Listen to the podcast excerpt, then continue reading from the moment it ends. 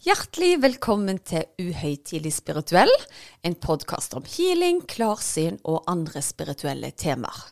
Noen ganger har vi gjester, og noen ganger er det bare meg sammen med min ektefelle Erik.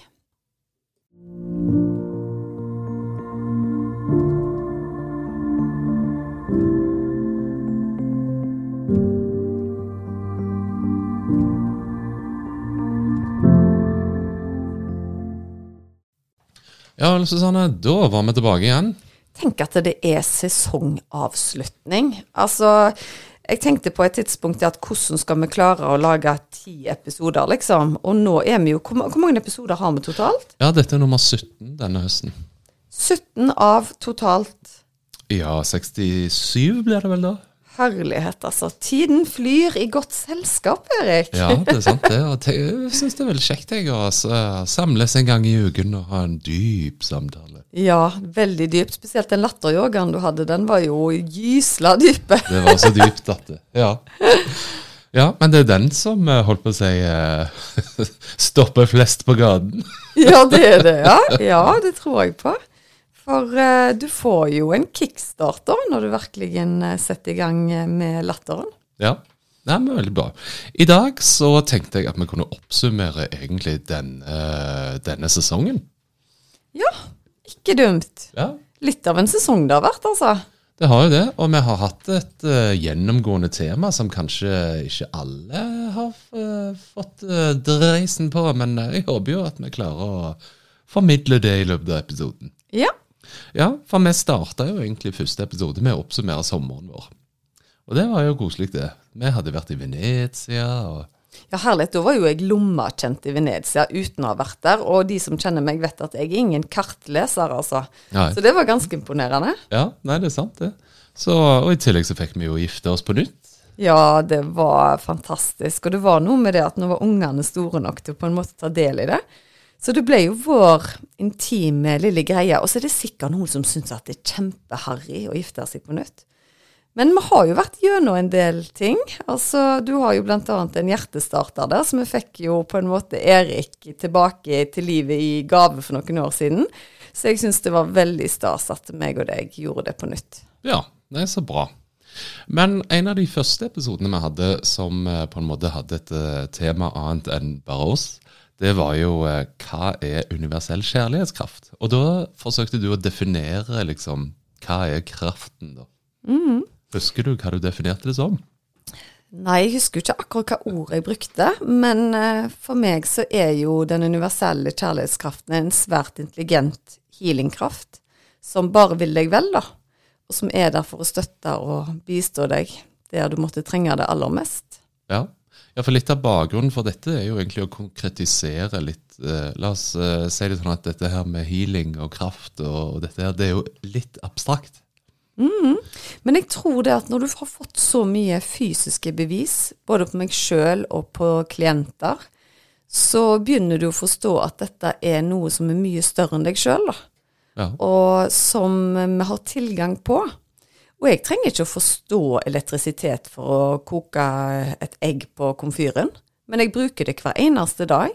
Jeg kunne selvsagt satt meg ned og studert hvordan elektrisitet fungerer. Eh, men eh, ja, jeg tror veldig mange bruker ting uten å forstå prinsippene bak det, da. Ja. Og det er kanskje det jeg har gjort med krafta hele veien. Jeg skjønte bare på et tidspunkt at her er det noe unikt som jeg kan bruke for å løfte andre mennesker. Og da gjorde jeg det. Uten å være kritiske, uten å stille for mye spørsmål til hvor kommer egentlig kraften fra? For jeg visste at det var en kjærlighet der, da, Ja. som, eh, som ville folk vel. Og det var nok for meg. Ja, det var veldig bra. Og det er jo egentlig litt av det som episoden da handla om òg. Vi dro fram et eksempel, Marcello Haugen, som gjerne var kjent i rundt om Kongsberg-traktene. Som eh, òg hadde liksom den tilnærmingen. Og han eh, prøvde seg òg å bryte litt ned eh, barrierer mellom dette med healing og religion, og forskjellige religioner. Og prøve å fortelle liksom at kraften egentlig var universell. At det ikke spiller noen rolle om du oppfatter deg sjøl som religiøs eller hva som helst. Jeg tror jo dette med religion er jo mye for å ha et eh, rammeverk for hvordan vi skal oppføre oss, da. For vi er litt sånn flokkdyr. Um, Så jeg tenker at mange av de som tror på en spesiell religion, og tror på en tilhørighet, da. Og jeg har alltid vært åpen for religion. Jeg syns det er utrolig spennende. Det var en av mine favorittfag på skolen. Men så opplevde jeg jo da, på et tidspunkt, at jeg kom i kontakt med en kraft som de aldri hadde lært meg om på skolen. Men som jeg kjente på hele kroppen, som var så unik og så god, og i tillegg kunne bistå folk med å bli friskere mye raskere, da. Så da måtte jeg jo bare være såpass trygg i meg sjøl og vite at dette her er et viktig budskap å få ut til folk. At dere har tilgang til den kraften. Du trenger ikke være med i spesielle grupper for å få det til, for kjærligheten sitter i universet rundt deg. Men så er det òg viktig å få tilgang til den kjærlighetskraften i deg sjøl.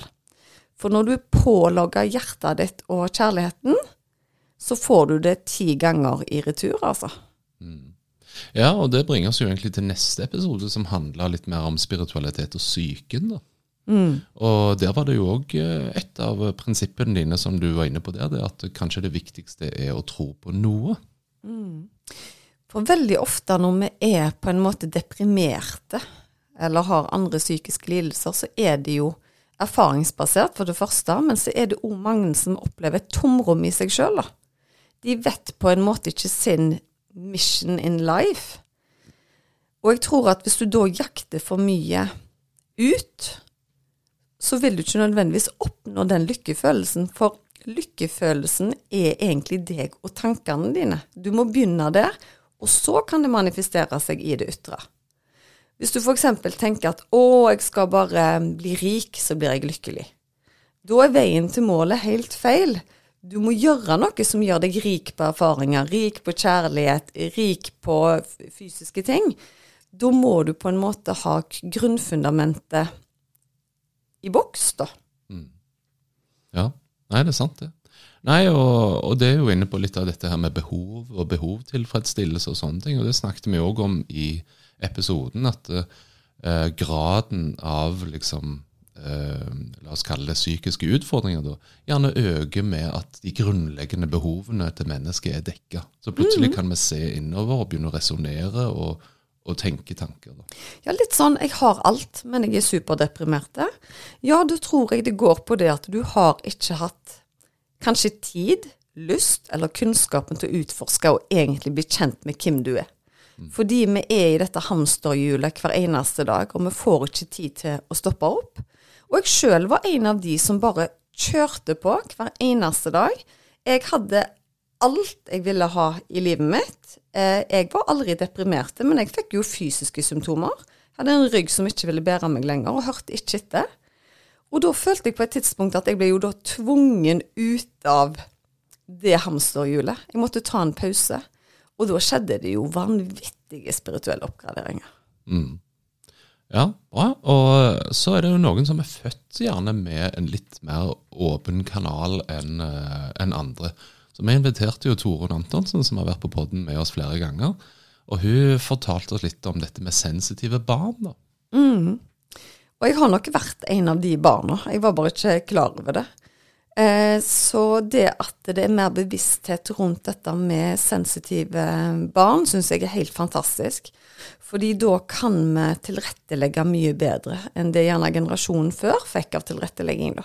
Ja, ja og det som ble litt diskusjon i den episoden der, da, det var jo det at før skulle du skulle ikke snakke om dette her, det var ikke, det er bare tøys. Mens nå er det jo en litt annen eh, holdning, hvor du nærmest skal på en måte ja, legge til rette for at de òg har sin vekst da, innenfor det rammeverket som de er født med og forstår. Mm. Så hvis du har eh, barn som du opplever som spesielt sensitive, det kan være mange områder de er sensitive på, men gjerne at de reagerer mer i større folkemengder, føler seg tappa, tar inn andre sine følelser, har spesielle evner som du gjerne legger merke til, så anbefaler jeg deg virkelig å lytte til den episoden, for der går hun mye mer i dybden enn det har anledning i dag. Mm. Ja, og så gikk vi videre til litt sånn spørsmål og svar. Uh, nå skal vi ikke ta alle spørsmålene og svarene i dag, men jeg, jeg dro ut ett spørsmål som jeg syns var veldig bra, som gjerne henger litt i luften, liksom, og det er jo kan du heale deg sjøl? Vet du hva, det er et utrolig godt spørsmål, og jeg tror det kommer helt an på hvem du er, for det første, hva verktøy du tar i bruk. Men jeg tror jo at vi alle er i stand til å heale seg sjøl på et eller annet nivå. Eh, du har mulighet til teknikker hvor du faktisk bare henter den universelle krafta inn til deg sjøl. Men det er vanskelig. Det er vanskelig hvis at du sjøl har vondt i ryggen eller vondt i hodet og bare nå skal jeg sette meg ned og, og heale dette her. Men veldig ofte så er det jo en grunn til vi har kommet der vi er. Det er en grunn gjerne til at du har stressnakke. Så det er på en måte å definere hva har gjort at jeg har kommet i den situasjonen jeg er, det er veldig viktig. Men jeg tror absolutt gjennom meditasjon, gjennom guida healinger, gjennom én-til-én-healinger, så er det masse å hente for å sette healing til seg sjøl. Mm. Og akkurat det uh, du er inne på der, det syns jeg er litt interessant med tanke på at uh, vi kan alltid stille spørsmål hva mener vi med healing? Og jeg hadde en diskusjon med en bekjent som hadde hørt på poden vår, uh, som, som, mente sjøl han var kritisk. da. Og han etterlyste gjerne litt mer kritisk innhold i vår podkast. Dette med at ok, at det kommer en som gjerne er skeptisk og kan utfordre deg på er du, uh, altså hva mener du med healing. Men så tenker jeg at uh, i dette denne settingen her da, så er jo ikke liksom healingen tiltenkt å være akuttmedisin. Og du tar jo ikke liksom ytterpunktene her, da. Det er jo en, en slags indremedisin, om du vil, er det ikke det? Denne podkasten er jo min og din historie. Ja. Eh, og jeg tror hvis noen andre skulle lage en podkast om sin historie, så inviterte de ikke inn en person som skulle sitte og kritisere. Jeg er uenig i de valgene du har, har tatt. Og i denne podkasten var det veldig viktig for meg og deg å være open-minded. Vi skulle ikke være dømmende, vi skulle rett og slett diskutere de temaene vi syntes var interessante. Mm. Og det er nok av fora med negativitet. Vi ønsker ikke å være en del av den negativiteten, så da syns jeg han skal høre på andre podkaster. Ja, ja, og det som er verdt å ta med seg òg, som uh, gjerne lytterne har fått med seg over tid òg, det er at vi har jo opplevd vår del av negativitet når vi har diskutert dette temaet utenfor podden. Så når det kommer gjester inn i podden, her så ønsker jo vi å lage en arena hvor de kan fritt få trygghet i at uh, du blir møtt med temaet uh, på en respektfull måte. Ja, og at de skal være trygge på at her er det lyttere som vil deg vel. Hadde vi annenhver episode hatt en kritiker, så hadde jo ikke folk ville vært gjester hos oss. For da skulle de f.eks. etter dette her med, med dette med sensitive barn, så skulle det kommet inn en kritisk lege og sagt at det er bare tull det hun Torunn Antonsen sier, f.eks. Hun hadde jo ikke hatt lyst til å være gjest hos oss etterpå på det. Nei. Så jeg syns egentlig at det var lite gjennomtenkt spørsmål av han. Da har han ikke skjønt hva spiritualitet dreier seg om. Og det kanskje det er derfor han er kritisk god, for han har rett og slett ikke forstått det. Ja. Men det som er litt interessant, da, hvis du da tenker mangelen på eh, kritikere, gjør jo egentlig at eh, vi sjøl da gjerne får vokst litt mer. For det at du slipper å bruke tid på å fendre av kritiske spørsmål, men du kan ta inn over deg og, og drive en vekst. Og det var jo du veldig opptatt av, og så kom jo plutselig da lysspråket til deg. Midt ja. i en sånn vekstperiode. ja, lysspråket, det har jo vært en reise fra første gangen så var jeg jo flau bare over at det kom noen gloser. Og det var jo på Men det var det denne sesongen første gang? Det var forrige sesong, tror jeg? Ja, men Lysborget kom tilbake igjen, og det, vi snakket litt om Kunne du liksom bare påkalle dette her, eller? Ja, og det som da skjedde, om dere ikke har hørt den episoden der, hva nummer var det, Erik, husker du det? Ja, det er nummer 55. Nummer 55. Har du ikke fått med deg den, så har du noe å glede deg til. Ja. For det som da skjer, er at vi har jo en vanlig podkastinnspilling, og så sier du til meg ja, er det sånn at du bare kan påkalle dette lysspråket? Så tenkte jeg nei, det tror jeg ikke, men jeg kan jo prøve. Så husker jeg at hele rommet begynte bare å eh, på en måte bølge seg. Du vet sånn rett før du skal besvime, nesten. Men samtidig så visste jeg at jeg ikke skulle besvime. Og når da lysspråket kom igjennom meg, så var det jo på et nivå jeg ikke kunne forestille meg engang. Det var som om det var en sånn gammel kassettspiller hvor du spolte med lyd. Og jeg grein, og du så jo helt sjokkert ut. Og på, eller på direkten, holdt jeg på å si, av innspillingen, så begynner meg og deg å diskutere. Kan vi faktisk sende dette? Ja, tør vi dette? Ja. Og så hadde vi en diskusjon etterpå hvor det var liksom fram og tilbake, hvor jeg da kom fram til at nei, vet du hva, her på en måte skal vi oppmuntre lytteren til å være stødige i krafta si og tørre å dele, og så skulle vi liksom sensurere. Så da fant vi ut at nei, vet du hva, vi deler det sånn som det er, og så får du bære og briste. Og for en støtte vi fikk. Ja. Det var helt fantastisk, og jeg vil jo si at min reise, når jeg tror på en måte at jeg har opplevd alt, da, så er det bare dytt i en enda mer spirituell retning. Det er helt fantastisk. Men jeg må bare òg punktere at det er ikke sånn at jeg sitter hjemme i sofaen med deg og snakker lysspråk hver dag. Det er vel den gangen der du har hørt det sånn skikkelig. Eh, Ja. Og så er det i jobbsammenheng gjennom kanaliseringer. Så nå har jeg jo to kurs, både Skap ditt drømmeliv og Vekk din intuitive healer. Og gjennom hver eneste kanalisering jeg har der, så kommer lysspråket gjennom. I forskjellige form. Og sist gang nå, det var med eh, Skap ditt drømmeliv. I medlemsportalen der så har jeg en kanalisering. Og da var det akkurat som tre ulike språk kom gjennom på samme tid. Akkurat som det var lagt oppå hverandre på en måte. Og tilbakemeldingene er jo utrolige. Folk kjenner så mange vibrasjoner i kroppen sin når vi snakker dette tullespråket i hermetegn, for, for det høres jo veldig spesielt ut. Men det som er litt unikt, er at det alltid kommer en fortolkning etterpå. Så vi får på en måte alltid en litt sånn innsikt i hva på en måte budskapet har vært. da. Ja. Så det, det er kjempegøy. ja, spennende. Ja, og så etter det der uventa greiene, så kom jo lysspråket tilbake igjen. Uh, med en melding fra en annen dimensjon, da.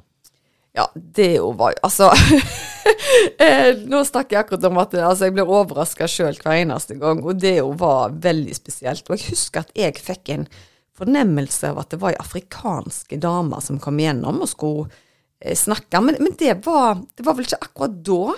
For den meldingen fra dimensjonen følte jeg at var mitt høyere jeg som snakket til meg. Men så var det òg et innslag fra ei afrikanske dame som var bekymra for noe natur, husker jeg? Eller Ja, var det noe med det. vann og noe greier? Ja, det handla om å ta vare på jorden, og, og den første meldingen der følte jeg det var veldig linka til gjerne Ukraina, eller nå skjer det et eller annet, nå må dere begynne å tenke dere om. Ja, og så husker jeg jo at det rett etter innspilling, eller vi hadde innspilling, og så ble jo den sendt ei uke etterpå. Men da skjedde det et sånn innrykk i Ukraina. Så vi var jo noen dager i forkant av det som faktisk skjedde. Så det, det er ganske utrolig, altså. Men jeg husker da når jeg så for meg denne afrikanske dama, så hadde ikke jeg sagt det til deg. Og så sier du til meg, på bakgrunn av det språket, og sånn, så ser jeg for meg afrikanske damer. Og det var jo litt interessant. Ja, ja det er jo ganske tøft. Så, ja. Men uh, det ble jo litt sånn, det ble jo tre lysspråk-episoder etter hverandre, og den siste lysspråk-episoden den handla jo litt om bevissthet. da. Eh, men det, det var jo et resultat av at vi nå hadde prøvd på en måte å konkretisere først hva er kraften, og litt sånne ting, og så kommer jo lysspråket litt sånn bardust på. Og så prøver vi å løfte dette lenger og lenger ned til å, konkretisere det òg, da. Og det som jeg syns er så utrolig, da, er det at dette som var så fremmende for meg, er jo nå blitt på en måte så vanlig del av mine kanaliseringer. Og det er utrolig hvor fort noe sånn eksepsjonelt blir ord en vane. Ja. Kanskje det er derfor de jo snakker om at en forelskelse alltid vil gå over. Men det er ikke nødvendigvis at han går over. Sant? Han tar en annen form fordi han er så godt integrert i deg. Ja. At med en gang så er det en følelse du ikke kjenner på, så det er excitement, det er gøy, det er spennende. Og så går det over til den tryggheten. Og nå har jo jeg den tryggheten med lysspråket, så jeg kjenner den ikke så sterkt på kroppen som det jeg gjorde i begynnelsen. Ja. Nei, størst av alt er kjærligheten, og vi drar oss videre til parforhold og spiritualitet, som var episode 58. Ja. Og der kom det jo kommentarer om at eh, eh, Eller spørsmål da fra, fra salen, om du vil. At eh, ja, men jeg er spirituell, men mannen min der hjemme, han, han hånler av dette her. De klarte liksom ikke møtes på felles plattform, da, om du vil. Ja, og det, og det er jo selvfølgelig de tilfellene hvor det er mannen som er spirituell, og dama ikke òg. Eh, men det er nok flest damer som har den kontakten. Eh, rart nok. Eh, men kanskje du, Erik, du har noen råd til hvordan de skal håndtere dette her på hjemmebane når de blir møtt med negativitet, og litt sånn at de fnyser av dem? Ja, altså jeg tenker sånn ut ifra eh, alle temaer, egentlig. Hvis den ene har vært på en reise og på en måte eh, Nå skal jeg ikke si tvinge, men la oss si tvinge, da. eh, tvinge på en samtale om et tema som er veldig langt fra en person sin virkelighet. Da blir det jo en avstand i parforholdet. Vi brukte jo eksempelet mellom du som begynte å trene, og så siktet litt ekstra på magen min, og mente at jeg òg burde begynne å trene. Men da var avstanden blitt ganske stor. Men når jeg da begynte å trene igjen, så følte jeg var liksom Ok, nå begynte parforholdet å ta en annen retning, for vi hadde en felles greie. Så litt av motivet vårt med denne, øh, denne episoden, og det var jo nettopp det å Uansett om det er spiritualitet eller andre ting, så har nok parforhold godt av å ha noen felles prosjekter, og noen arenaer som gjerne er litt ditt.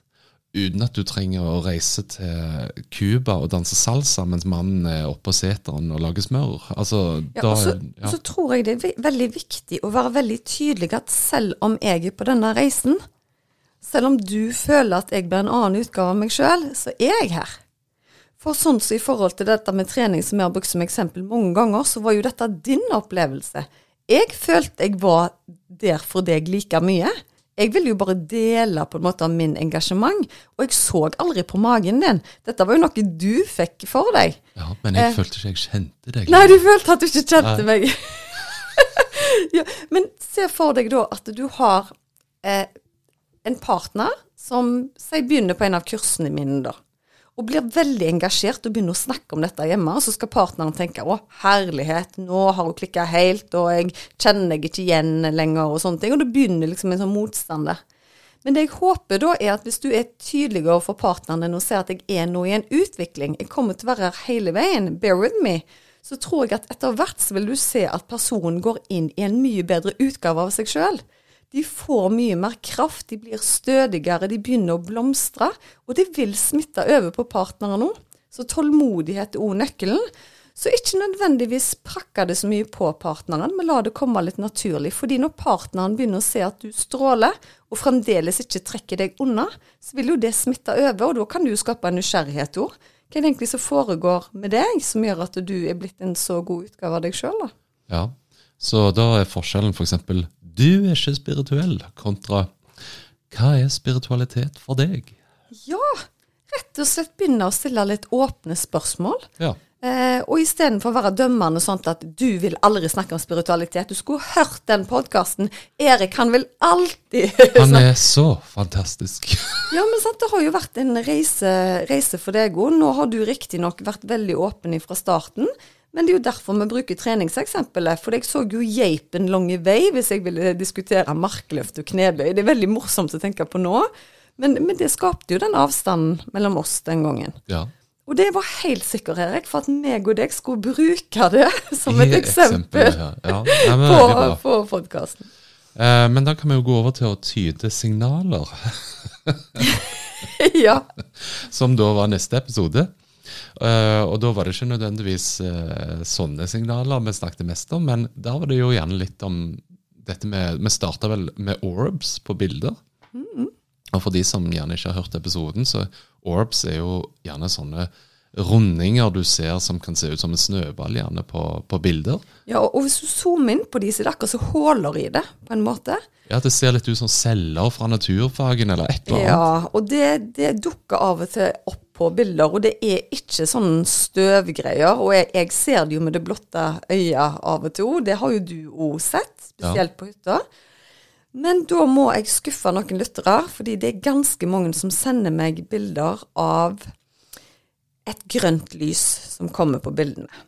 Og det får jeg mange i uka, og jeg har ikke hatt hjerte faktisk til å si det til dere, fordi dere er så entusiastiske. Så derfor sier jeg det på et generelt grunnlag. Nå peker jeg ikke ut ett og ett bilde, men det er som regel linsa, altså. Ja. Dette grønne lyset. For en orb ser ikke sånt ut.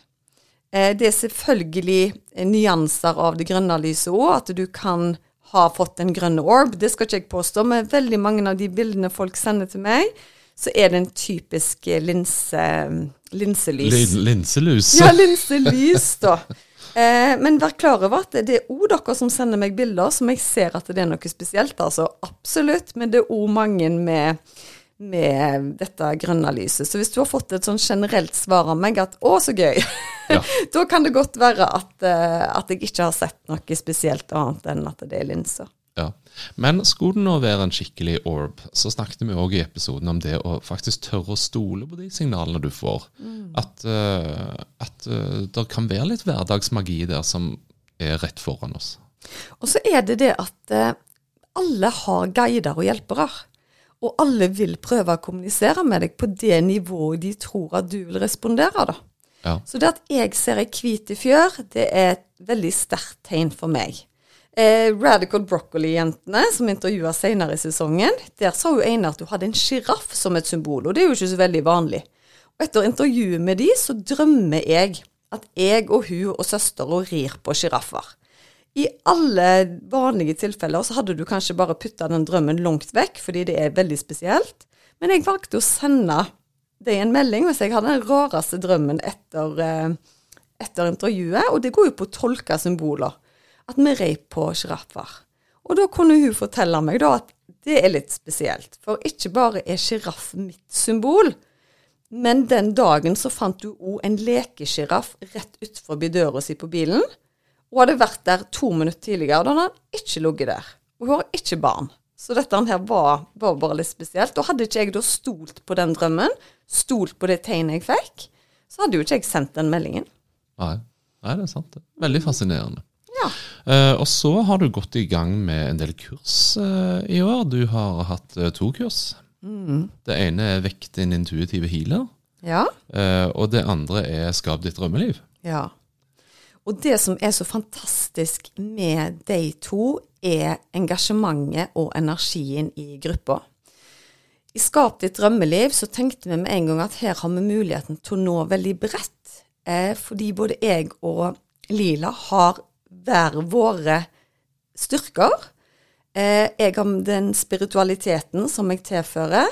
Hun har masse fantastiske verktøy. Og det vi så etter hvert, da, er det at en del av disse som var med på å skape ditt drømmeliv, ble òg i mer kontakt med den spirituelle sida si, og ønska òg gjerne å komme i kontakt med healingkraften sin. Så mange av de i Skap ditt drømmeliv har òg vært med på Vekk din intuitive healer, rett og slett for noe har blitt vekka i de. Og det syns jo jeg er helt fantastisk. Og det er på en måte to helt ulike kurs hvor du får utvikla deg, og resultatene er bare helt fantastiske. Så jeg, altså hjertet mitt bobler bare over av takknemlighet for å ta del i så mange menneskers utvikling. Ja, kjempespennende. Så eh, hadde vi jo litt om altså Vi har jo snakket om dette med kritiske røster og litt sånn, men vi dro den litt lenger og snakket litt om hekser og, og, og hekseforfølgelse. Ja, altså vi hadde jo vært helt grusomme her til lands. Men det som jeg syns var verst i forhold til hekseforfølgelse, var at vi på en måte snakket litt om det som en sånn historisk ting som kan du tenke deg hvor grusomme folk var. Men så viser det seg jo at det skjer jo den dag i dag i utlandet. Ja. Så det var, vi brukte vel eh, afrikanske land som et eksempel i den eh, artikkelen som var kilden vår. Og det er jo klart at eh, eh, det har jo vært en utvikling eh, i menneskesyn da, over tid. Eh, Ja, herlighet, altså. Jeg er glad jeg bor i trygge Norge. Hvis ikke hadde jeg kanskje blitt brent på bål ego hvis jeg hadde podkast nede i en av disse landene her, altså. Nei, eh, vi er utrolig privilegerte som kan tale fritt. Ja, og for de som har vært, eh, vært eh, kjent med meg lenge på Facebook, så står det et quote fra Voltaire, tror jeg. Eh, jeg er uenig i det du sier, men jeg skal forsvare til døden din rett til å fortelle om det. Ja. Ja, så det syns jeg er et fint utgangspunkt. Ja, Ja, syns jeg. ok. Um, vi snakket jo òg litt om human design, og da hadde vi besøk av Torbjørn og Kaja. Ja, var, og vi fikk òg være gjest eh, nylig i deres eh, podkast. Og jeg visste veldig lite om human design fra før. Jeg syns det var utrolig spennende. Og vi kjente oss jo begge igjen i mye av det som kom fram der.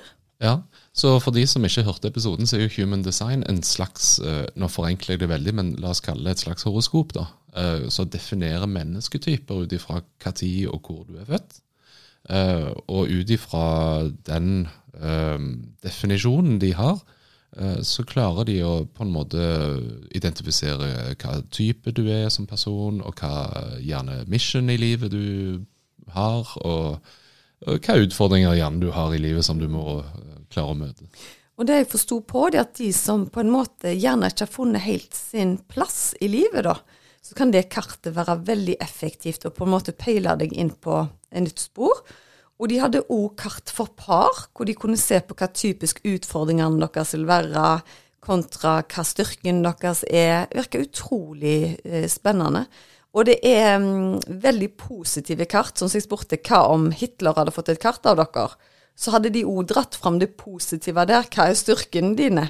Så det, de på en måte definerer ikke om du er en god og dårlig person. De, um, det viser på en måte kvalitetene dine, da. Ja, Som du kan spille videre på? Ja, som du kan spille videre på og forsterke. Absolutt. Ja, det var spennende. Og så hadde vi en ny gjest. Da var det Torunn som snakket om eh, en ny Torunn. Eh, men hun eh, er kostholdsekspert og snakket om eh, linken mellom kosthold og spiritualitet. Mm. Og det jeg syns var utrolig eh, spennende å høre om hennes spirituelle reise, da. Eh, og så er det Altså, vi kommer ikke unna nytten av å spise bra mat for kroppen vår. For har vi det ikke bra i den fysiske kroppen, så er det ikke mye rom for spiritualitet og utvikling der heller.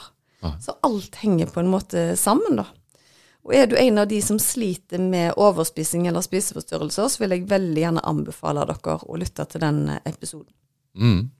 Ja, og det som var litt av poenget vårt der, altså du bruker jo ofte ordet rydde i den mentale boden for å klargjøre deg for spiritualitet. Og, og hennes vinkling var at du gjerne brukte kosthold som første steg på veien for å, å rense litt opp i, i kroppen og gjøre deg klar. Så det var en veldig spennende tilnærming. Så, ja. Mm. Jeg syns hun var utrolig, utrolig inspirerende å høre på. Ja.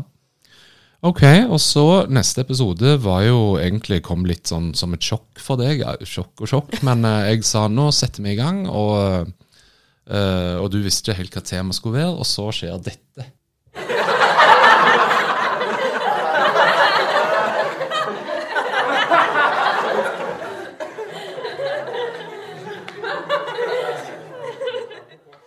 Ja, og det var jo starten på en uh, halv time med latter og kos.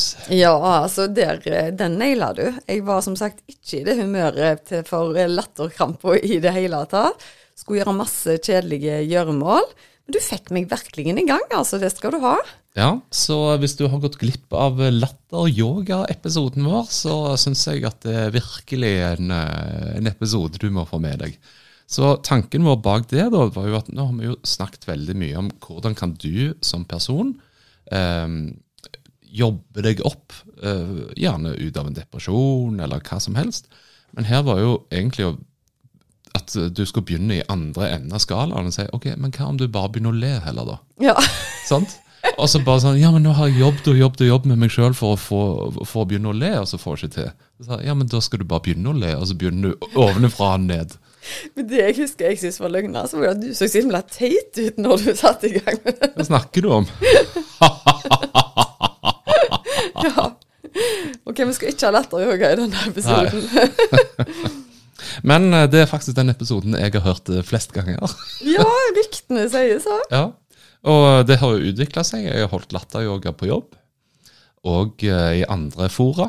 Og eh, folk ler, altså. Ja, det er fantastisk. Og uten utdannelse i latteryoga, Erik. Dette er imponerende. Ja, nei, så, så det var jo veldig bra. Men du har mye erfaring i å le, da. Jeg har ledd veldig mye, spesielt av meg sjøl. Ja. Eh, og uh, siden du var helt uh, uten clou på hva, hva vi skulle snakke om i den episoden, så tok vi neste episode å styre forventninger.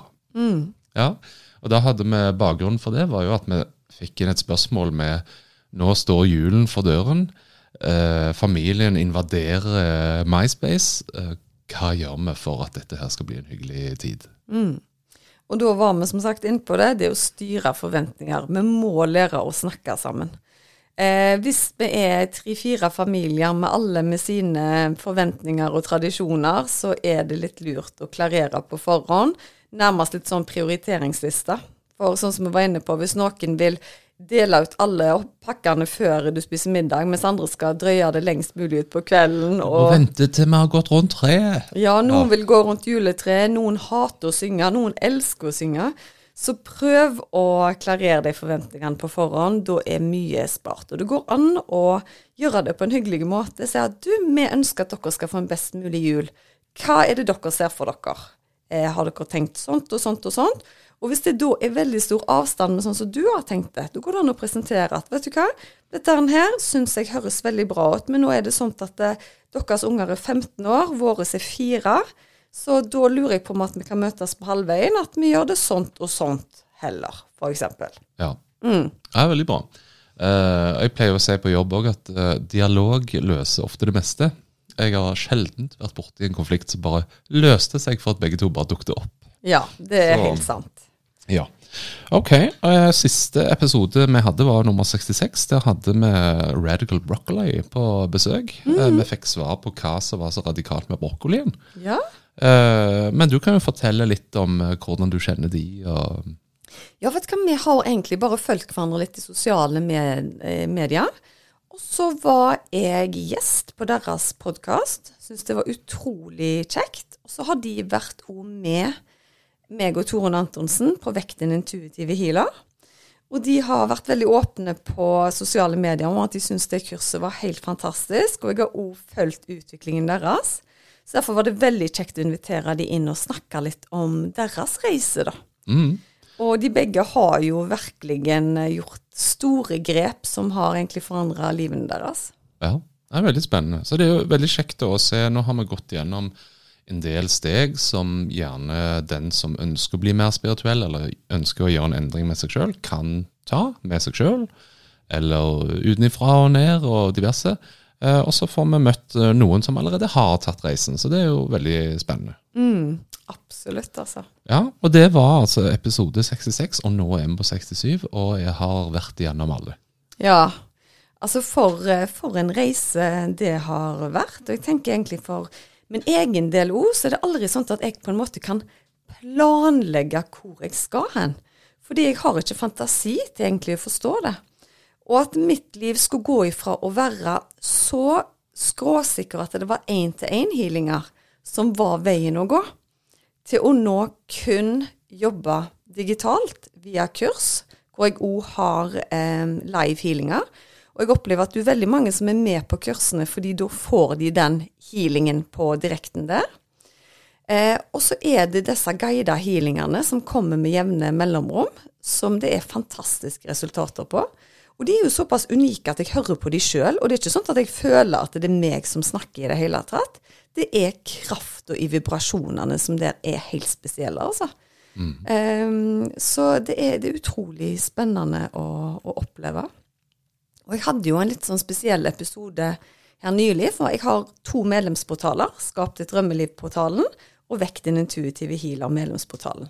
Hvor vi nå har muligheten til å følge folk opp på månedlig basis og da skulle jeg ha et innlegg nå nylig, hvor jeg hadde planlagt hva jeg skulle si på forhånd. Men idet jeg skal spille inn den videoen som jeg skal legge ut i denne medlemsportalen, så skjer det noe like i forkant at jeg får beskjed om at det er noe helt annet jeg skal snakke om. For det dreide seg om tillit. Det var det å ha tillit til at krafta er så intelligent at den vil jobbe for deg. Du trenger ikke prestere så lenge du er en åpen kanal, da. Så jeg hadde et innlegg om det. Eh, legger meg ned på gulvet, som jeg alltid gjør under kanaliseringen. Og det blir en veldig sterk kanalisering. Noe som jeg òg får veldig positive tilbakemeldinger på denne, denne gruppa. Og syntes at det var veldig interessant egentlig hvordan ting endra seg i siste sekund. Teknologien svikta òg. Jeg hadde glemt å ta ledningen i mikrofonen, men på et eh, mirakuløst vis så var lyden på opptak allikevel. Så det, det var tydeligvis en viktig, en viktig, kanalisering, for det var helt utrolig at den ble tatt opp. Men på natta, da, når jeg skal legge meg til å sove, så våkner jeg grytidlig på morgenen, og så tenker jeg har dette her faktisk skjedd? For da har jeg en fornemmelse av at jeg er ute og flyr. Jeg vet jo at jeg ligger i senga mi, men da skal jeg sverge at jeg ser skapninger som ikke ser jordiske ut og at jeg er på en måte i noe som minner om et romskip. Jeg vet jo at jeg er i senga mi, men igjen så følte jeg meg helt trygg. Jeg følte meg så ivaretatt av en kjærlighetskraft at jeg kan nesten ikke beskrive det. Og det var liksom som en sånn følelse av en oppgradering. At nå skulle jeg ta enda et steg videre. Og så får jeg hele veien ordet tillit, tillit, tillit. Og det var da det slo meg at aha, den tillitsvideoen som jeg la ut til de medlemmene mine, dreide seg jo ikke bare om deg, det dreide seg om meg òg. Jeg må ha tillit til at den opplevelsen jeg hadde i natt, den var ekte. Det var ikke bare en drøm, og det kjentes ikke ut som en drøm heller. Men si at det var en drøm, da. Så er han for det første utrolig spennende. Han ga meg en følelse i kroppen som jeg aldri har hatt tidligere. Og så var det òg en bekreftelse på at det jeg la ut dagen før, var reelt.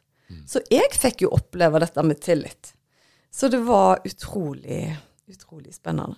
Ja, det er veldig bra. Se der klarte vi å dytte streken i sanden litt i denne Ja. episoden òg. Men når vi snakker om andre streker i sanden, Erik, så gjorde jo du et eksperiment på meg, du. Uten at jeg visste det. Som har med noe du brenner veldig for å gjøre. Husker du det? Eh, det å rydde på vaskerommet. Ja. Dette kan jo du fortelle lytterne, og du bør skamme deg, Erik. uh, dette er til oppfordring til alle menn der ute, men uh, jeg har jo da en sånn greie med at uh, jeg syns at vårt vaskerom blir veldig fort rota. Og det er få i huset utenom undertegnede som faktisk tar seg tid til å rydde på dette vaskerommet. Da er det viktig å presisere at jeg rydder veldig mange andre rom, men du, jeg er helt enig at det er på en måte din sone. Ja, Hvis dette skal være min historie, da, så kan jeg bare si at ting blir rydda inn på vaskerommet. Så, Ja. Men ok. Eh, så tenkte altså, Susanne sier jo ofte da, eller ja, du, eh, sier jo da at eh, eh, Det jeg gjør når du er i butikken, jeg bare sender en beskjed. Kjøp tomater og ei, og ei banana. Og så kommer jeg hjem med det, da. Og det syns du er veldig kjekt. Ja, Så da tenkte jeg, når jeg satt i bilen på jobb, at eh, nei, vet du hva Rydd på vaskerommet, tenkte jeg flere ganger i løpet av dagen at eh, det måtte du gjøre. Så kom jeg hjem, og vaskerommet det så jo spotless ut. vet du hva? Og det verste av alt var at jeg, jeg satt til og med koste meg med en film. Så fikk jeg for meg at jeg må pause denne filmen, så må jeg gå ut og rydde vaskerommet. Og det har jeg aldri gjort før, for det, det gidder jeg ikke, fordi at du skal jo ha det på din måte der allikevel. Så nå måtte jo jeg erkjenne at nei, jeg har trodd at det er jeg som kan plante ting inn i hodet på Erik, men nå har jaggu meg han knekt koden og planta ting i mitt hode. Ja, veldig bra. Så flere enn deg har altså en spirituell Så jeg lurer på hva du begynner å plante i hodet mitt framover. Ja, Tenk på mannen din, ja. tenk på mannen din. I'm hot and I know it. I'm hot and I know it. Ja, ja. Nei, men flott. Ja, så det ble jo koselig tid framover. Nå har vi jo knekt uh, nøtten. Knekt nøtten, ja. Men apropos knekt. Det går fremdeles bra med Wander og foten, og han springer rundt og aker, og det viser ikke antydning til at han brekte foten for et par uker siden. Så det er jo helt fantastisk. Så ja, vi kan heale brudd. Ja, Det er kult. men uh, da ikke som akuttmedisin, tydeligvis. Så. Jo, det var jo tydelig det var tydelig det det var, men vi skal ikke ha henvisninger med knekte føtter her nå, altså. Det, det er ikke det jeg mener. Jeg mener ikke at jeg kan heale alle med en knekt fot, langt ifra. Og så har jeg jo ikke lenger én-til-én i det hele tatt. Så jeg får veldig mange meldinger om at 'Å, jeg vet at du har ventelister', men alt er satt på pause. Så nå er det kun guida healinger og kurs jeg driver med for tiden. Ja, veldig bra. Ok, Uh, jeg tenker at eh, det var en fin oppsummering av eh, høstens program, var det ikke det? Jo, absolutt, altså. Og så håper jeg at jeg ser mange av dere i Skap ditt drømmeliv som vi har en ny runde nå i januar. Det skal bli helt amazing. Ja, og vi er jo på gang igjen i starten av januar. Kanskje ikke første søndagen, som da er første i første, men ja. Vi kommer så snart vi kan. Ja, eh, tusen takk for at du er med oss uke etter uke. Veldig inspirerende å fortsette eh, samtalen. Og eh, ja, vi føler vi vokser både spirituelt og som person. Ja, og vi har blitt veldig relaxed med å snakke med dere. Vi syns det er så trygt å dele med dere, og vi setter kjempepris om dere deler podkasten med noen dere tror kan synes den er interessant. Og vi setter fremdeles pris på tilbakemeldinger på Spotify og på de guidede healingene på healersusanne.com. Veldig bra. Tusen takk for at du hørte på, og vi ønsker dere en riktig, riktig god jul. Ha det! Ha det, ha det.